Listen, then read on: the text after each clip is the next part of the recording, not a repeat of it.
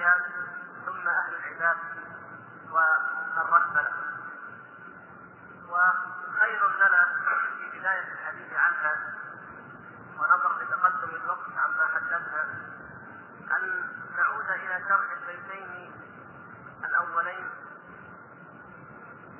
ولا سيما وقد استقبلنا هذا الشهر العظيم الذي نسال الله تبارك وتعالى ان يكتب لنا جميعا صيامه وقيامه انه سميع مجيب فحري وجدير بنا ان نتامل وان نتفطن لهذه المعاني العظيمه من امام من ائمه السلف المجاهدين المشهورين وهي قوله رايت الذنوب تميت القلوب رايت الذنوب تميت القلوب وقد يورث الذل إثمانها فالذنوب والمعاصي تميت القلب وإذا مات القلب فلا خير في الحياة بعده من كان ميت القلب فلا خير له في حياته الأخرى الحياة الأخرى حياة الأعضاء ما هي إلا حياة البهيم حياة الحيوان إذا مات القلب وإذا حي القلب كانت الحياة الطيبة الزاكية المطهرة يريدها الله تبارك وتعالى من كل إنسان. والتي من أجلها أرسل إلينا هذا النور المبين وأرسل إلينا هذا الرسول العظيم ليزكينا وليطهر قلوبنا ولتكون حياتنا حياة إنسانية تليق بالتكريم الذي كرم الله تبارك وتعالى به بني آدم واختصهم دون بقية المخلوقات. أما إذا مات القلب فإن الإنسان يكون حيوانا في صورة إنسان. هذا الذي تراه حمارا بالنهار جيفة بالليل. يكدح في النهار كدح الحمير ويجمع ويجري ويلهث وفي النهار جيفة هامدة كأية جيفة فقدت الحياة وطعم الحياة. فالفرد والأمة يجب أن يعلموا أن الذنوب تميت القلوب وأن القلب إذا مات فلا خير في ذلك الفرد ولا خير في تلك الأمة وأن الذل مضروب على كل من مات قلبه. وقد قلنا إن الذل قد ضرب على الأمة الإسلامية وأنتم ترون ذلك جميعا لأنها ولأن قلوبها قد ماتت لأنها انصرفت وانحرفت عما شرع الله تبارك وتعالى فتحقق ما قاله النبي صلى الله عليه وسلم إذا تركتم الجهاد وتبايعتم بالعينة وأخذتم بأذناب البقر سلط الله عليكم ذلا لا يرفعه عنكم حتى ترجعوا إلى دينكم. وموت القلب قد يكون أو من أسباب موت القلب تتابع. الذنوب فالذنب يورث الذنب كما أن الحسنة تستدعي وتستتبع الحسنة. الذنب يورث الذنب. ومن خطر الذنوب ونشد أخطار الذنوب أن يذنب العبد ذنبا يكون بعده الطبع أو الختم على قلبه أو إماتته بالكلية. والله تبارك وتعالى قد ذكر ذلك في كتابه كما بينته سنة النبي صلى الله عليه وسلم.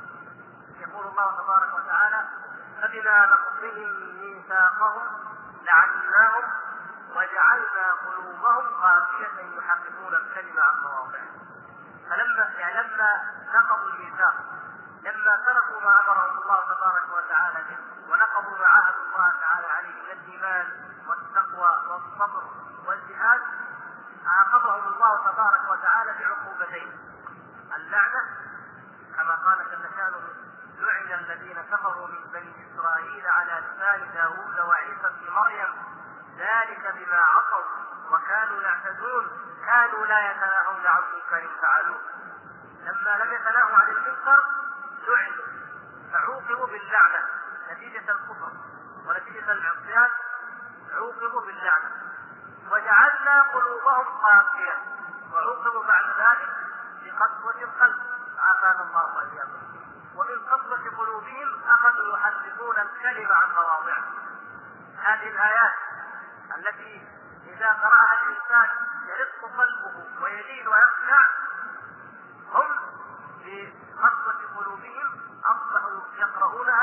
ليحرفوها عن مواضعها وليصرفوها وفق أهوائهم وفق شهواتهم ووفق حظوظهم العاجلة الفانيه فهذا حال أهل الكتاب وهذا حال كل من عصى الله تبارك وتعالى يوشك أن يعاقبه الله تعالى على هذا الذنب بذنب أعظم منه. يوشك أن يعاقب الإنسان على النظر إلى إجمال النظر إلى النساء. يوشك أن يعاقب على اجمال النظر بالزنا والعياذ بالله. ويوشك أن يعاقب على التدخين بشرب الخمر اعمال الله وإياكم من ذلك. ويوشك أن يعاقب على البدعه بالشرك. فكل ذنب هو وسيلة. ومقدمة لما بعده وقد تقع العقوبة عليه بأن يرتكب ذنبا أكبر منه. نسأل الله تبارك وتعالى السلامة والعافية. ومن هنا فإن المؤمن حريص كل الحرص على أن ينقي قلبه ما استطاع أن يتعاهد قلبه أن يراقب نفسه دائما ويحاسبها على ما فرط جنب الله تبارك وتعالى وعلى ما بدر منه يستدرك قبل أن تنزل العقوبة فلا يدري ما هي هذه العقوبة. ولو أن العقوبات على الذنوب تختص بما يقع في الأرض من الجدب ومن الخوف ومن نقص الثمرات والأموال ومن القتل ومن كل الفتن التي تقع لكانت أهون. ولكن أشد من ذلك أشد منه وأغلب أن تقع العقوبة نفاقا في القلب أو كفرا بالله تبارك وتعالى بعد ذلك.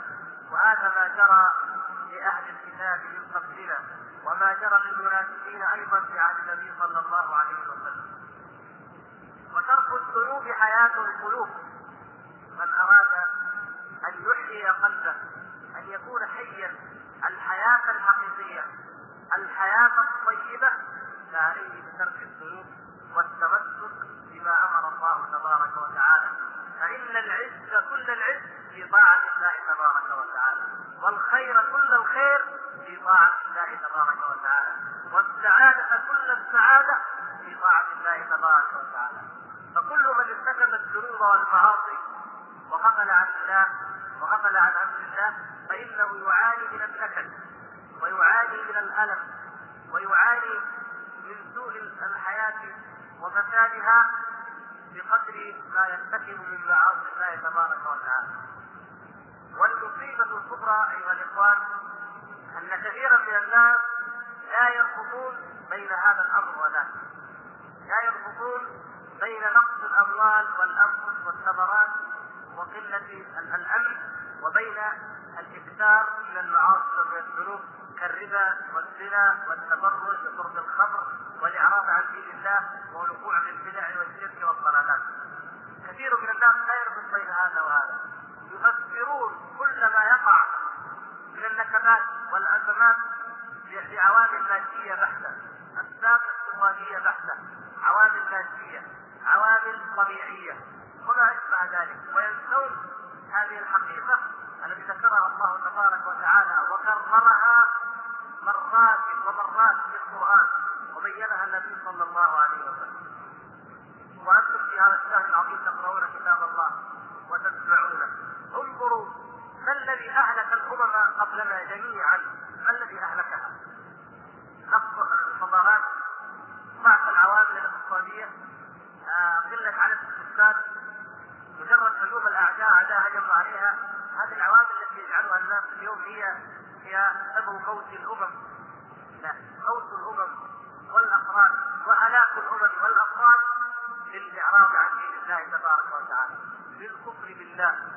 بالغفله عن ذكر الله تبارك وتعالى فاذا قرانا ما قصه الله سبحانه وتعالى علينا من اخطاء الماضيه وما أوصانا وأمرنا به أيضا نحن هذه الامه وجدنا هذه الحقيقة بيضاء جلية باطنة فعلينا إذا أن نعتني بقلوبنا وأن نطهرها بتقوى الله سبحانه وتعالى وبذكر الله وبمداومة قراءة القرآن والتقرب إلى الله تبارك وتعالى بالأعمال الصالحة واستغلال مواسم الخير لجذبها إلى الحق ما استطعنا وأن نحاول أن نحول هذه النفوس من لوامة إلى مطمئنة بقدر ما يعيننا الله تبارك وتعالى على ذلك.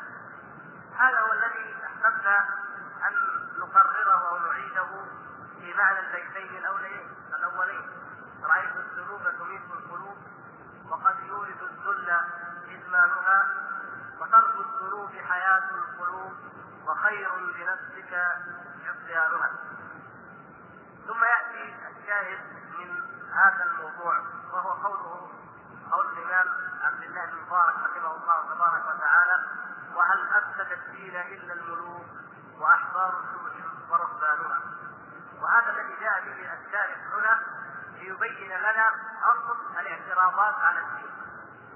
نحن نتكلم في مبحث وجوب التسليم لأمر الله ولحكم الله.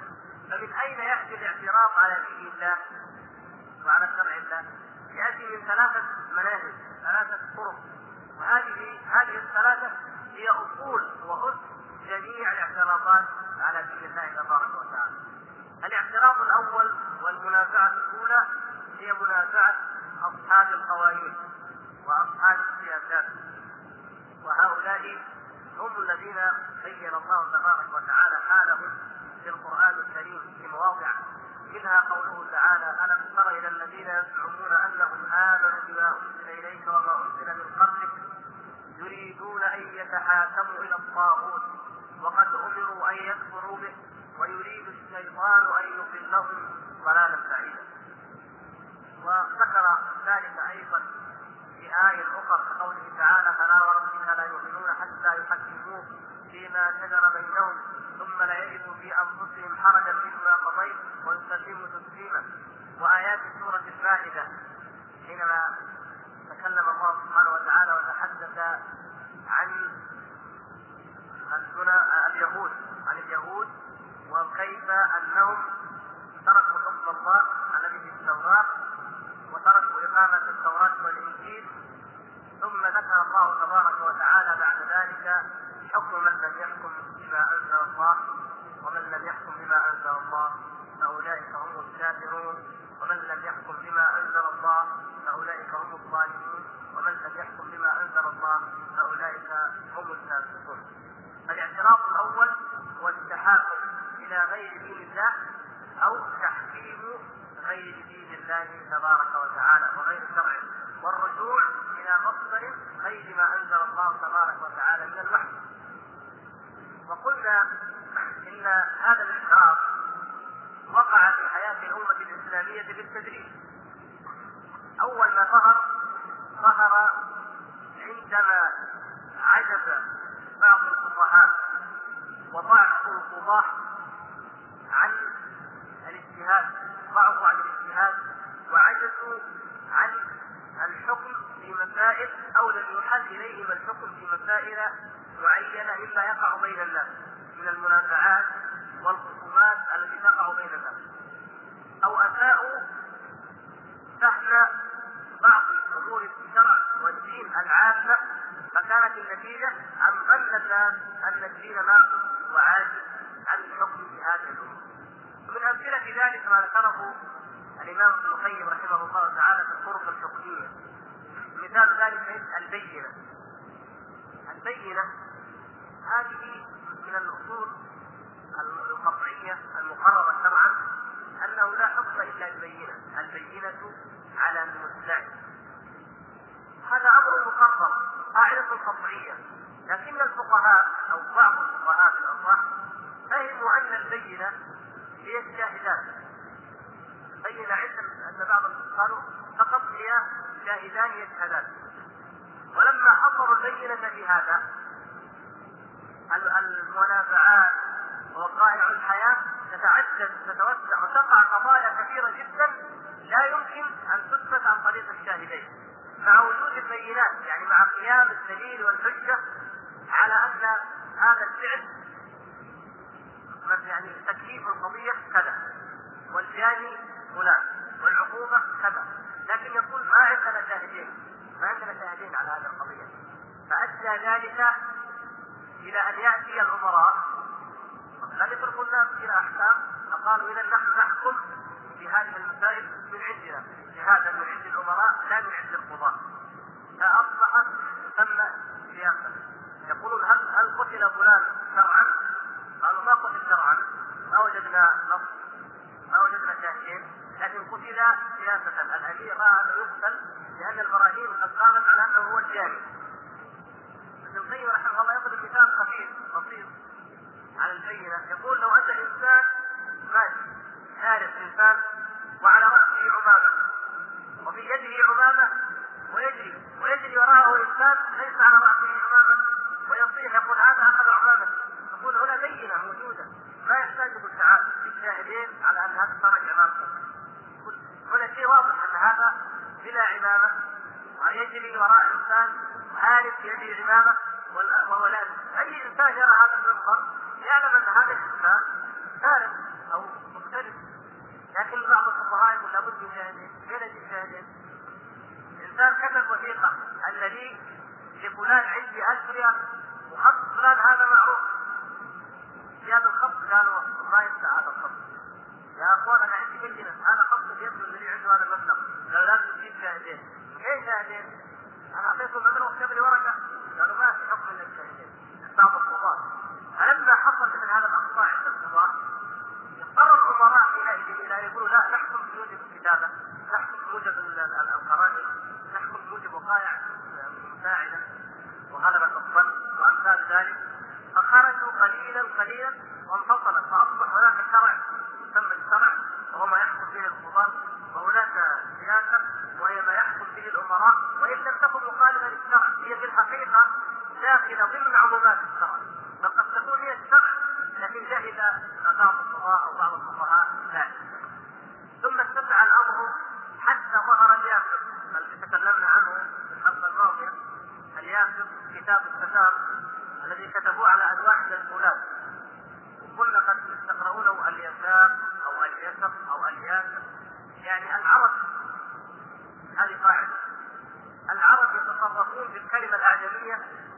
كما يشاءون يعني كما كما يستطيع ان ينطق اسهل ما يمكن ان ينطق هو الاسم الاعجمي ينطقه بدون بغض النظر عن نطق العجم له يعني هو بين الان حاول ينطق الكلمة الانجليزيه زي ما ينطقوها الانجليز لا هو اي ما يعني الفرس كانوا يسمونه خسرو الملك خسرو العرب كانوا لا يوجد في اللغة العربيه ابدا واو قبلها ضمه اذا إيش ينطقوها حولوها إلى كسرى قلبوا الخاء كاف وقلبوا الواو إلى الف قالوا كسرى وهكذا فالمقصود الياسر أو اليسار أو اليسار أو اليسر ما اشبه ذلك كلها معاني واحدة وهو كتاب جنكيز خان الذي وضعه وكتبه على انواع من الفولاذ وشرع فيه احكام القتل واحكام الدماء واحكام وامر ان يتوارثها ابناؤه وتوارثها امراؤه إلى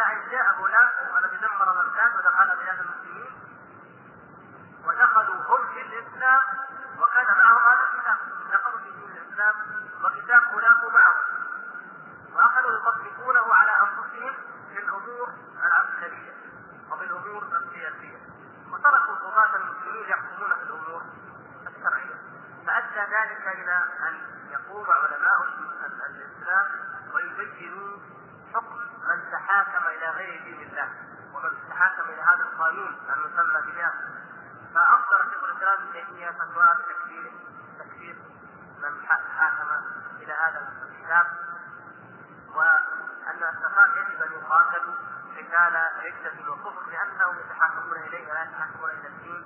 وامن على هذه الفتوى كثير من العلماء في ذلك الزمان. فكانت هذه أول واقعة في تاريخ الأمة الإسلامية أن يوجد نص مكتوب أو قانون مكتوب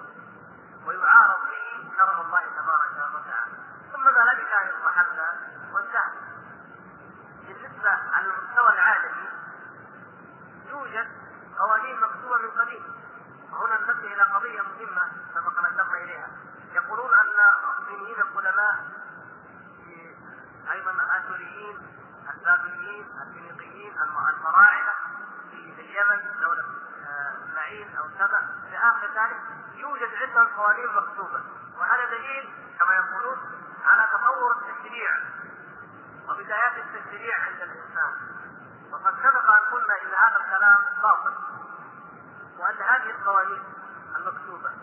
إما أن تكون من بقايا قبائل الأنبياء هذه الأمم بعث الله تعالى فيها أنبياء وأنزل عليهم الكتاب ليحكم بين الناس فيما اختلفوا فيه. فكل أمة من الأمم فلها دينها ولها كتابها وشرعها الذي لا يجوز أن تتحاكم إلى غيره فإما أن تكون من بقايا شرائع الأنبياء تشريعات حموراتي ولا اي أي إنسان كان. إما انها من بقايا شرائع الأنبياء. وهذه ليست اذا من عندهم.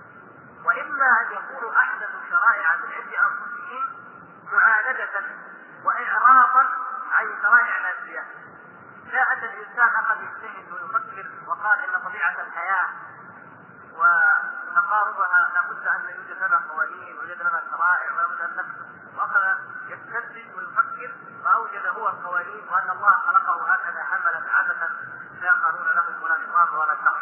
لا لا يصح ذلك يعني حبينا ننتبه إلى هذه القضية في اوروبا قانون كتب كان هو كان قوانين البيوت التي كتبت بشكل واضح مكتوب مخالفة لما كانت عليه أوروبا من التحاكم إلى الدين وإلى النصرانية وشريعه التوراه وكان هذا كما قلنا في بداية القرن السابع عشر 1804 وهذه هذا قانون مكتوب قانون مشهور إلى اليوم من اشهر القوانين ونفس قانون نابليون هو أيضا مستمد في بعض جوانبه من القوانين الرومانيه القديمه التي لما بعث النبي صلى الله عليه وسلم كان الرومان يتحاكمون اليها لكنها كانت بدائيه بالنسبة للقوانين الحديثه التي افتتحت في قانون نابليون.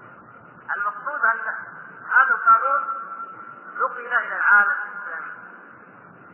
نقل إلى الامه الاسلاميه واول ما نقل نقل في مصر والخديوي اقر أو عرض القانون على بعض العلماء أو على الامه لتقر هذا القانون. يتآمر ويجتمع الشراء الباب الأول من أبواب الاعتراض هو القانون، الباب الثاني ما هو؟ واحبار السوء احبار الاحبار علماء السوء هم الباب الثاني من أبواب الفساد. الخديوي لما جاء بالقانون عرضه على بعض العلماء علماء السوء فقالوا هذا ما فيه الا كل ما فيه من مواد لا تخرج عن اي مذهب من المذاهب الاربعه. لابد لابد ان توافق احد المذاهب الاربعه ولو بوجه من الوجوه ولو براي ضعيف أو قول ضعيف في مذهب احمد أو الشافعي أو مالك أو كذا اذا ما في هو ان يقر ان يقر في بلاد المسلمين فاقر بناء على اتفق هنا اتفق اصحاب السياسة واصحاب يعني سياسه السوق وعلم علم السوق على اقرار هذا القانون وادخاله إلى بلاد المسلمين والدولة العثمانيه ادخلت النظم الغربيه شيئا فشيئا. اول ما ادخل قانون القناصل ومحاكم القناصل، كانت الدول الاوروبيه لها قناصل في العالم الاسلامي وكان القناصل يحكمون بين رعاياهم فقط بين رعاياهم ولكن احكامهم وقوانينهم توسعت حتى اصبحت تحكم حتى بين المسلمين. ثم جاء السلطان سليمان ذاك سليمان السلطان سليمان هذا الذي كان اكبر واعظم السلاطين حرب الحرب والقوه العسكريه لكنه اتي من باب الجهل بالدين ومن باب أيضا سقوط علماء السوء فأدخل القوانين. ولهذا سماه الغربيون سليمان القانون وأدخلها باسم النظام. تنظيمات. ما يسميها قوانين سميت تنظيمات. تحاكيا لأن يقال قانون فيقال القوانين كفر أو القوانين لا تكفر فسموها تنظيمات. وجعلوها أنظمة. نظام التجارة نظام كذا نظام كذا. حتى نظام العقوبات. الجنائية سجل فيه كثيرا من الأحكام عن غير ما أنزل الله تبارك وتعالى. ثم استمر الوضع قليلا قليلا حتى جاء الأوروبيون الصليبيون الجدد الذين يسمون المستعمرين واحتلوا العالم الإسلامي وفرضوا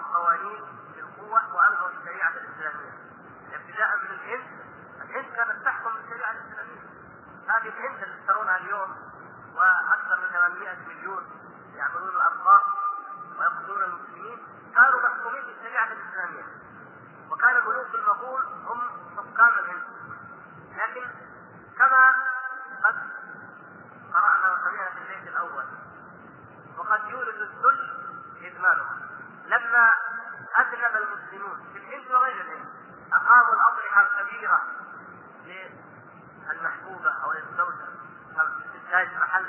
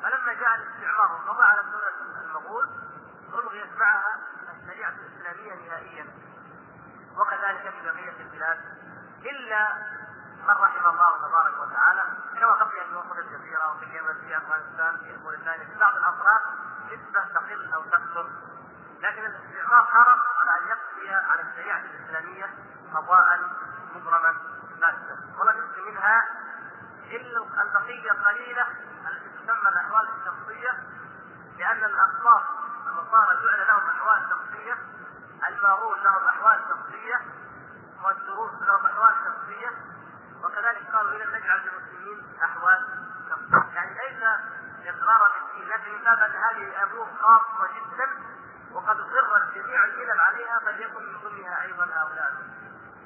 هكذا أصبح الأمر في ديار الإسلام. فأصبح التحاكم فيها إلى الطاغوت لا إلى ما أنزل الله تبارك وتعالى. إذا وهل أفسدت فيها إلا الملوك وأحبار سوري ورهبانها؟ الباب الأول من أبواب الفساد هو فساد أرباب السياسة الذين حكموا القوانين الوضعية الشرائع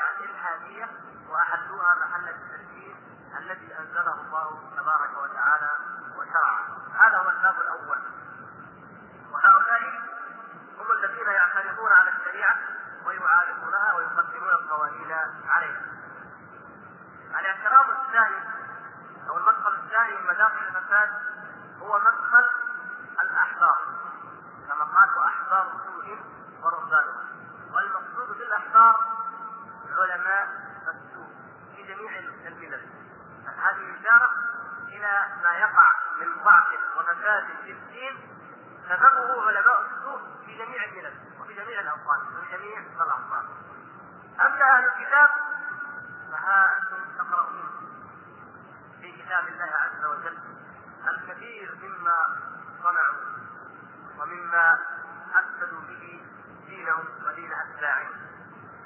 أهل الكتاب كانوا يكفرون ببعض ويؤمنون ببعض.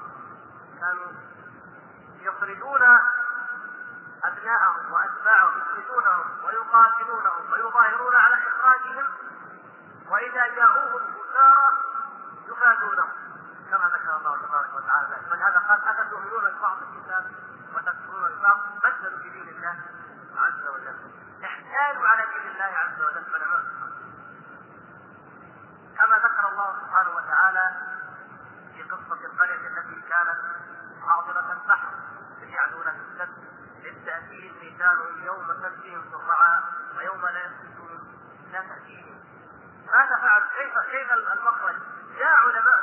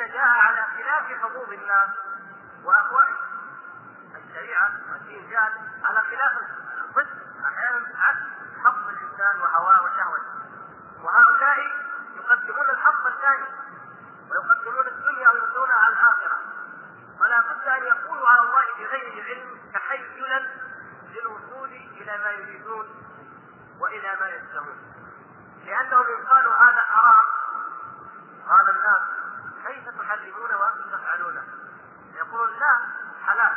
وإذا قالوا حلال وناقض في كتاب الله أنه حرام هكذا الوضوح اصبحوا متناقضين فيحتالون يحتالون ومن هنا قلدهم في هذه الامه من قلدهم ليست المساله مساله يهود فقط لما قرئ عند حذيفه رضي الله تبارك وتعالى عنه قول الله تبارك وتعالى ومن لم يحكم بما انزل الله فاولئك هم الكافرون قال رجل ممن كان عند حذيفه هذه في اليهود هذه في اليهود نعم سبب نزول الايه اليهود لكن حذيفه رضي الله تعالى عنه انتبه إلى قضيه خطيره يقع فيها كثير من المسلمين يعني نحيل دائما نحيل العيوب والاخطاء إلى إلى علماء اليهود إلى علماء النصارى وننسى اننا نحن قد نقع فقال حذيفه رضي الله تعالى عنه نعم ابناء عبد لكم اليهود نعم ابناء عبد لكم اليهود ما كان من حلوة فهي لكم وما كان من مرة فهي لهم إذا قرأنا في القرآن ثناء ومدح قلنا هذا لنا يوم محمد صلى الله عليه وسلم وإذا ذم وعيب قلنا هذا لليهود أهل الكتاب. الله تعالى قال لعن الذين كفروا من بني إسرائيل. على لسان داود وعيسى بن مريم. ذلك بما عصوا وكانوا يعتدون كانوا لا يتناهون عن منكر فعلوه يا إخوان أمر بالمعروف ونهى عن قال يا أخي هذه مسألة في اليوم. ما يصير فكأن الذي لا يقيم التوراة والإنجيل يكفر ويعاقب والذي لا يقيم القرآن يكون مؤمنا ويكرم ويعزز لا القرآن أعظم ولذلك قال بعد هذه الآيات وأنزلنا إليكم الكتاب مصدقا لما بين يديه من الكتاب ومهيمنا عليه. الكتاب المهيمن الناقص أقوى والتمسك به أقوى والانحراف عنه عقوبته اغلب واشد فوقع في هذه الأمة من يسمون أهل الرأي أهل القياس. شاهدوا بعض المشابهه لعلماء لاحبار اليهود. والنصارى. فإنهم ألفوا كتبا تسمى كتب الحيل. يجيب لك أي حيلة؟ أي حيلة مثلا؟ إيش الحيله يحتال على على عده المطلقات يحتال على بيع نوع من أنواع نوع الربا. يحتال على إرجاع المطلقة. تحريم مثلا هذا من الحيل. طلقها الثالث. فلا تحل له اذا حتى تنكح زوجا غيره تعال يا فلان تزوجها صوريا كذا خلى معك ثلاث أيام أسبوع شهر وطلقها عشان يرجع لاولادها وعيالها هذه حيل حيل على دين الله عز وجل فافسد علماء السلوك في هذه الامه أيضا دين المسلمين كما افسد احبار اليهود دينهم وانتشر البلاء وعم ولهذا نجد كتب الرجال مثل كتاب كتاب المجروحين لابن حبان كمثال ابن حبان رحمه الله كان ضد أهل الراي وهو لذلك تبع الامام البخاري والامام احمد رحمه الله وتجدونه يدخل اذا ذكر رجل من أهل الراي يقول في يعني ما يستحق من الذم وهو من أكثر من جمع اصحاب الراي وما اعترضوا به على دين الله سبحانه وتعالى وهو مجرد اصحاب كلام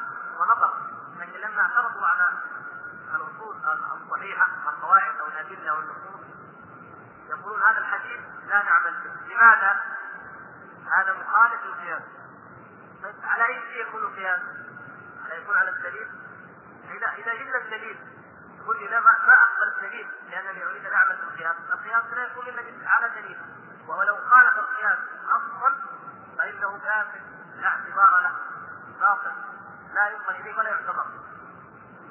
فكانت يعني الانحراف بدأ في تعظيم القياس والرأي والهوى. مقابل العمل بالسنه الامام احمد رحمه الله يذكر شيخ الاسلام ابن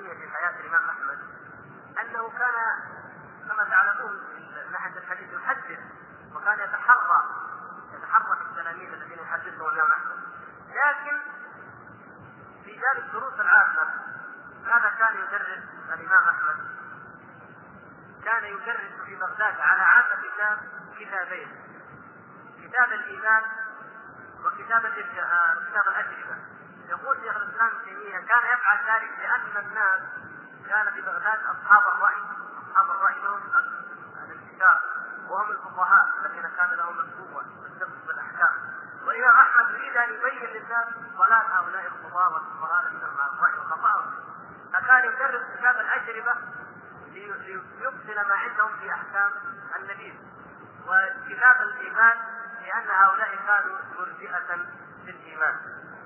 يعني كيف كان الائمه يعالجون الواقع يحاولون يحاولون يصرف الناس ويعلمون ما يحتاجون إليه ويعملوا على ان لا تنجرف الامه إلى الانحراف والفساد ثم كان الامام البخاري رحمه الله أيضا شديدا على أهل الراي المقصود يقول ان احبار السوق هم العلماء الخارجون عن الشريعه بارائهم واقسامهم الكافره المتضمنه تحليل ما حرم الله ورسوله وتحريم ما اباحه واعتبار ما الغاه والغاء ما اعتبره واطلاق ما قيده وتقييد ما اطلقه ونحو ذلك هناك امور كثيره في الشريعه جاءت مطلقه وجاءوا فقيدوها قد تكون بعضها اخطاء لكنها تخرج عن الحد القوي الذي يعني الذي يشعر الانسان بان هذه الشريعه ميسره مثلا من القيود التي قيدوا بها ما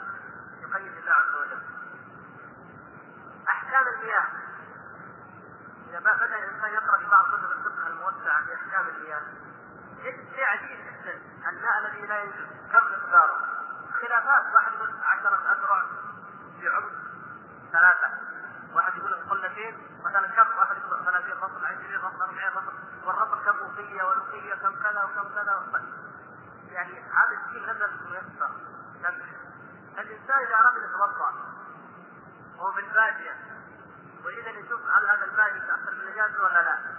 من بين الرطل والوقية من بين يزرع سبحان الله. يعني ليست هذه. قد يكون بعض العلماء مثلا ضرب مثال قال ان يكون عشرة أذرع؟ مثال جو المقلدون قالوا عشرة. لو كان تسعة أذرع يجب ما نص الإمام هذا الكلام. فاذا هناك تقييد لما أطلق الله ورسوله. وهناك اطلاق لما قيد الله ورسوله. هناك أحكام تأتي أحكام مقيدة كما ذكرنا في أحكام العدة في أحكام الطلاق في أحكام مقيدة معينه فياتون ويطلقونها فهذا مما يفسد التدريس لأنه يؤدي بالتدريس إلى التحلل شيئا فشيئا من الأمر ومن النهي. والواجب على المسلم أن يذعن لأمر الله وأن ينقاد له وأن يكون كما كان أصحاب النبي صلى الله عليه وسلم. سمعنا وأطعنا. انظروا الأحاديث التي نقرأها نحن اليوم ونتجادل فيها. سمعها أصحاب النبي صلى الله عليه وسلم منه وما اختلفوا فيها. كانوا يسمعون ويمتثلون. فلذلك كان خلافهم قليلا. نحن نسمع الحديث ونجلس نستنبط ونفرع ونفرع. يقع بيننا الخلاف. لا لا يعني هذا أننا ضد الاستنباط. لكننا نقول العمل هو الأساس. إذا انصرفنا إلى العمل واجرينا الأمور اخذناها باليسر الشريعة وسماحه الشريعة يسر الله تبارك وتعالى علينا دينا.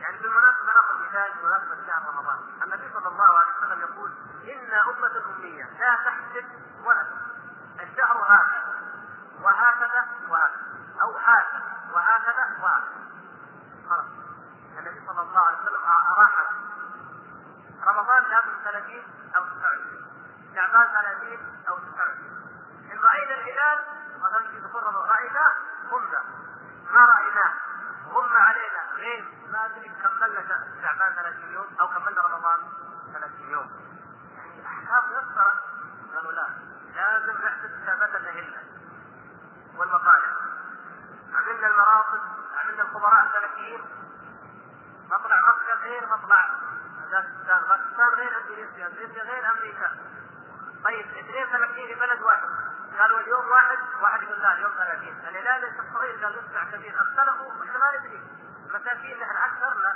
لا عندنا فرد بلد ولا عندنا مرصد ما نقدر نحكم واختلفوا دون ذلك فلو ان الله عز وجل يرجعنا إلى كان هذا ومشقة بخلاف ما قال يريد الله بكم اليسر ولا يريد بكم العسر ما جعل عليكم في الدين من حرج.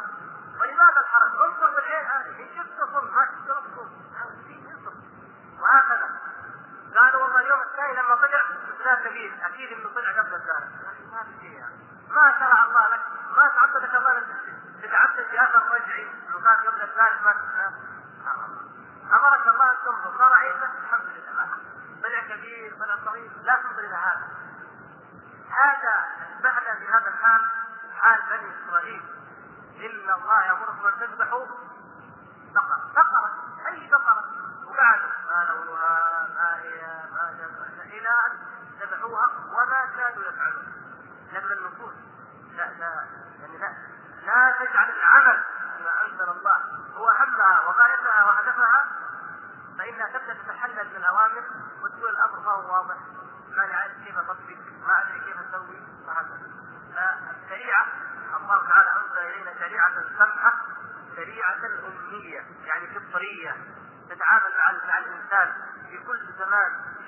في كل مكان في كل بيئه ببساطه بوضوح بفطريه بيسر وهكذا يجب أن ننظر دائما إلى هذا الدين وإلى هذه الشريعة ونحمد الله تبارك وتعالى أنه أنزلها الينا.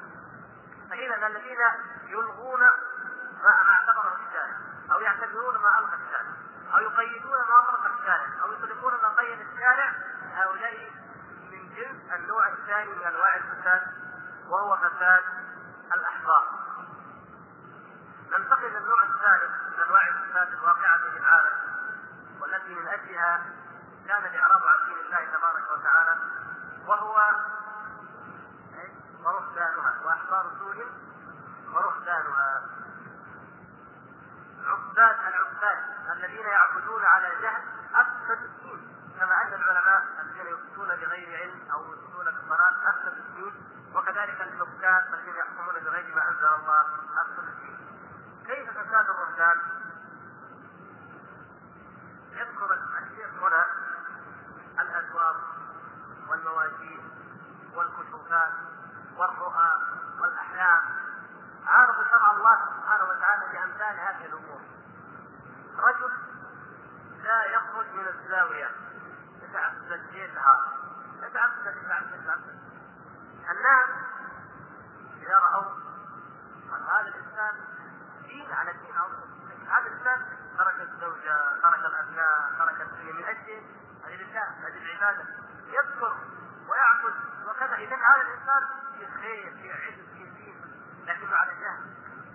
وعلى غير اتباع لما أنزل الله وما جاء به النبي صلى الله عليه وسلم. فتكون النتيجة أنه يقتدى به في الصلاه ويفتي يفتي بغير علم. يجي انسان والشباب والناس في كل امه وفي كل زمان يوجد في الناس من يحب الدين يحب الخير يريد ان يتدين ياتي انسان يريد يتدين شاب وقع في معاصي في الحرم يريد ان يتدين يريد الدين اين التدين والتعبد؟ قالوا